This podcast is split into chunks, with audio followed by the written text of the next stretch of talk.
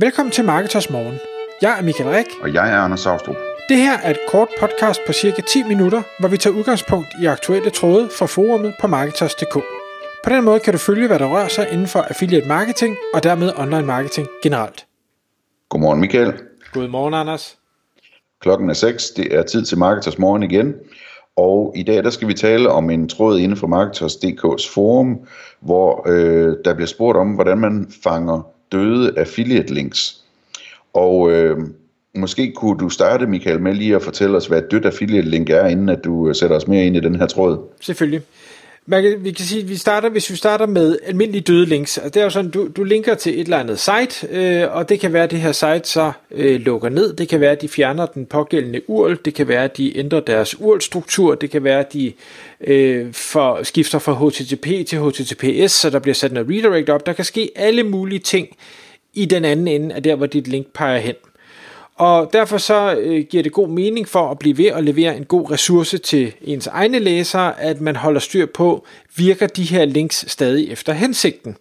Der sker jo også nogle gange det, at et øh, domæne måske øh, bliver lukket ned, eller bliver, det ophører, og så er der en eller anden, nu kan vi kalde det en domænehej, eller en, en SEO-mand, der opkøber det her domæne, øh, og så øh, pludselig så er der noget helt andet på, og så kan det godt være, at du ikke har lyst til at, at linke derhen, og jeg husker et eller andet gralt eksempel med, jeg tror det var et bibliotek, der blev lukket, øh, og så øh, blev det så købt af en eller anden, der lavede noget, noget pornoværk, det var noget værre gris. Øh, nå, det er sådan en ting, det er almindelige links. Affiliate links kan man sige, det er lidt det samme. Du har et affiliate link, som, øh, hvor du sender øh, nogle af dine besøgende hen til en webshop, i håb om, at den her besøgende kommer til at købe et eller andet, så du kan få en kommission. Men igen, hvis webshoppen ændre et eller andet, hvis produktet pludselig øh, ikke eksisterer mere, øh, affiliate-programmet øh, stopper, eller hvad der nu ellers kan ske med det her link, jamen så er det jo selvfølgelig vigtigt, at du holder øje med, at, øh, at det ikke er, som det var engang, og derfor at du får det ændret. Enten at du får det rettet til det rigtige link, eller du øh, måske linker hen til en ny webshop, som så har et affiliate-program, der sælger det samme produkt, eller du siger, nå, hov, øh, det, det er meget udbredt med det her med øh, bedste øh, nu siger jeg robotstøvsuger i 2016, jamen det er der nok ikke nogen, der søger efter mere i 2020, men du har skrevet en lang artikel om den her specifikke robotstøvsuger, når, øh, jamen hvad skal du så gøre? Skal du så, det bliver sikkert ikke solgt mere, skal du så linke til en kategoriside? Er der nogen, der måske stadig sælger den her gamle model, eller hvad? Øh, det må man jo så finde ud af. Men når man så har store affiliate-sider, så har man jo tusindvis af de her links. Og at skulle sidde og teste manuelt, det kommer aldrig nogensinde til at ske. Så derfor så leder folk efter at sige, er der ikke nogen tools, der kan holde øje med de her links, så jeg ikke selv skal, jeg skal kun tage action på dem, når den melder ind, at der er noget galt. Og der er heldigvis en masse, der, der byder ind i, øh, i tråden her og siger, hvordan de griber det an. Det skal siges, meget af det her, vi kommer til at tale om, det er øh, til WordPress. Der var et enkelt medlem, der skrev, hvad, hvad gør man så, hvis man er på Umbraco? Og der må jeg sige, jeg ved det ikke, fordi jeg arbejder kun i WordPress, så det kan, og det er der heller ikke nogen af de andre, der, der svarer øh, på. Der er et øh, plugin, der hedder øh, Affiliate Plugin, som er et øh, plugin, der øh, primært bliver brugt til øh, prissammenligningstabeller.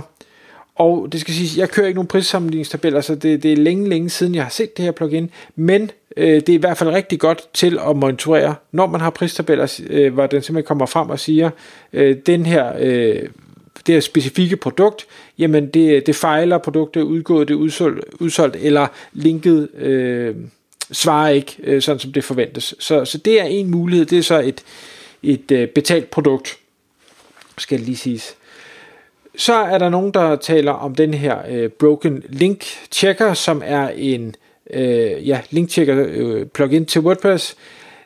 Mig bekendt, så kan den teste om linket øh, er dødt, men den kan ikke teste om affiliate-linket virker, i hvert fald ikke sådan, som jeg har forstået det. Det er så til gengæld et gratis tool, så det kan man jo prøve at se, om det kan leve op til, til de behov, man måtte have. Om ikke andet, så er det godt til at teste alle de links, der, der ikke er affiliate-links. Så bliver der nævnt øh, Commission Harvest, og det kan man sige, Anders, det kender vi jo, fordi det har vi været med til at, at få udviklet, øh, ja. som er et plugin, der, der simpelthen går efter, og det, det her, det skal ikke være en reklame for det, men det, det tanken er, du lægger et almindeligt link ind.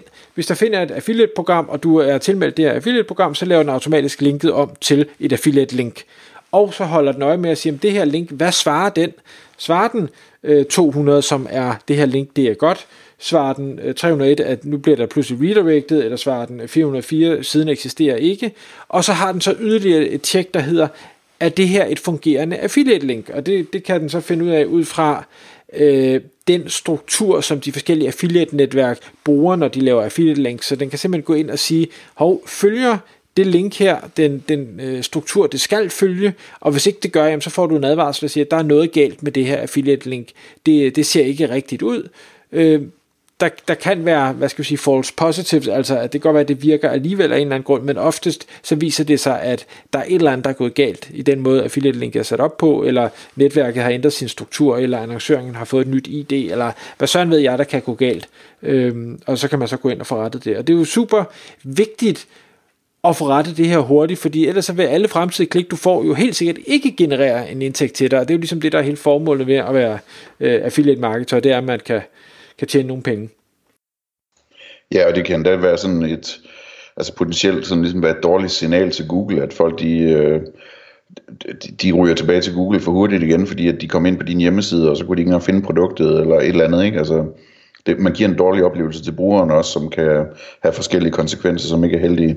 Absolut, og faktisk en ting, som, øh, som jeg øh, har været ude og slå lidt på tromme for, det er, at, at jeg synes, det er vigtigt, at øh, hvad hedder det, webshoppen i den anden ende også lige er opmærksom på, at de har folk, der linker til dem, linker til specifikke produkter, når de nu ændrer urlstruktur øh, eller laver redirects, fordi jeg har nemlig set, at øh, lad os sige, at jeg har linket til den her øh, specifikke robotstøvsuger, når den her specifikke robotstøvsuger så ikke længere bliver solgt på den her webshop, jamen så kan det være, at de laver en 301 redirect til forsiden, bare som et tænkt eksempel. Øh, det ja. lægger jeg måske ikke mærke til, for jeg tænker, nå, nå, der er et affiliate link her, men det, det, det redirecter bare, så det er sikkert fint nok, det behøver jeg ikke tage hånd om. Det er selvfølgelig svært værre, hvis det var et 404, altså linket er dødt, så skal jeg gøre noget ved det hurtigt, men, men her der svarer det bare 301, så det er nok bare, du ved, de har fået en ny URL-struktur, men de linker stadig til det specifikke produkt, og det kan man nemlig ikke være sikker på.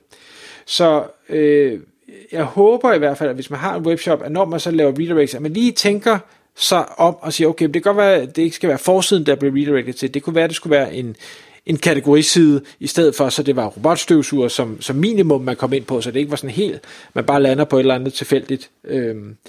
Og hvis man så siger, okay, nu, jeg har solgt robotstøvsuger øh, altid, det gør jeg ikke mere, jeg sælger slet ikke støvsuger, nu sælger jeg kun øh, gulvtæpper eller et eller andet, jamen så kunne det være, at man lige skulle tage og orientere sin affiliates om og sige, hey, Øh, nu sælger jeg altså ikke længere robotstøvsuger, så hvis du har nogle af de her affiliate links, øh, så skulle du nok lige tage og få dem ændret. Øh, det synes jeg ville være en god stil.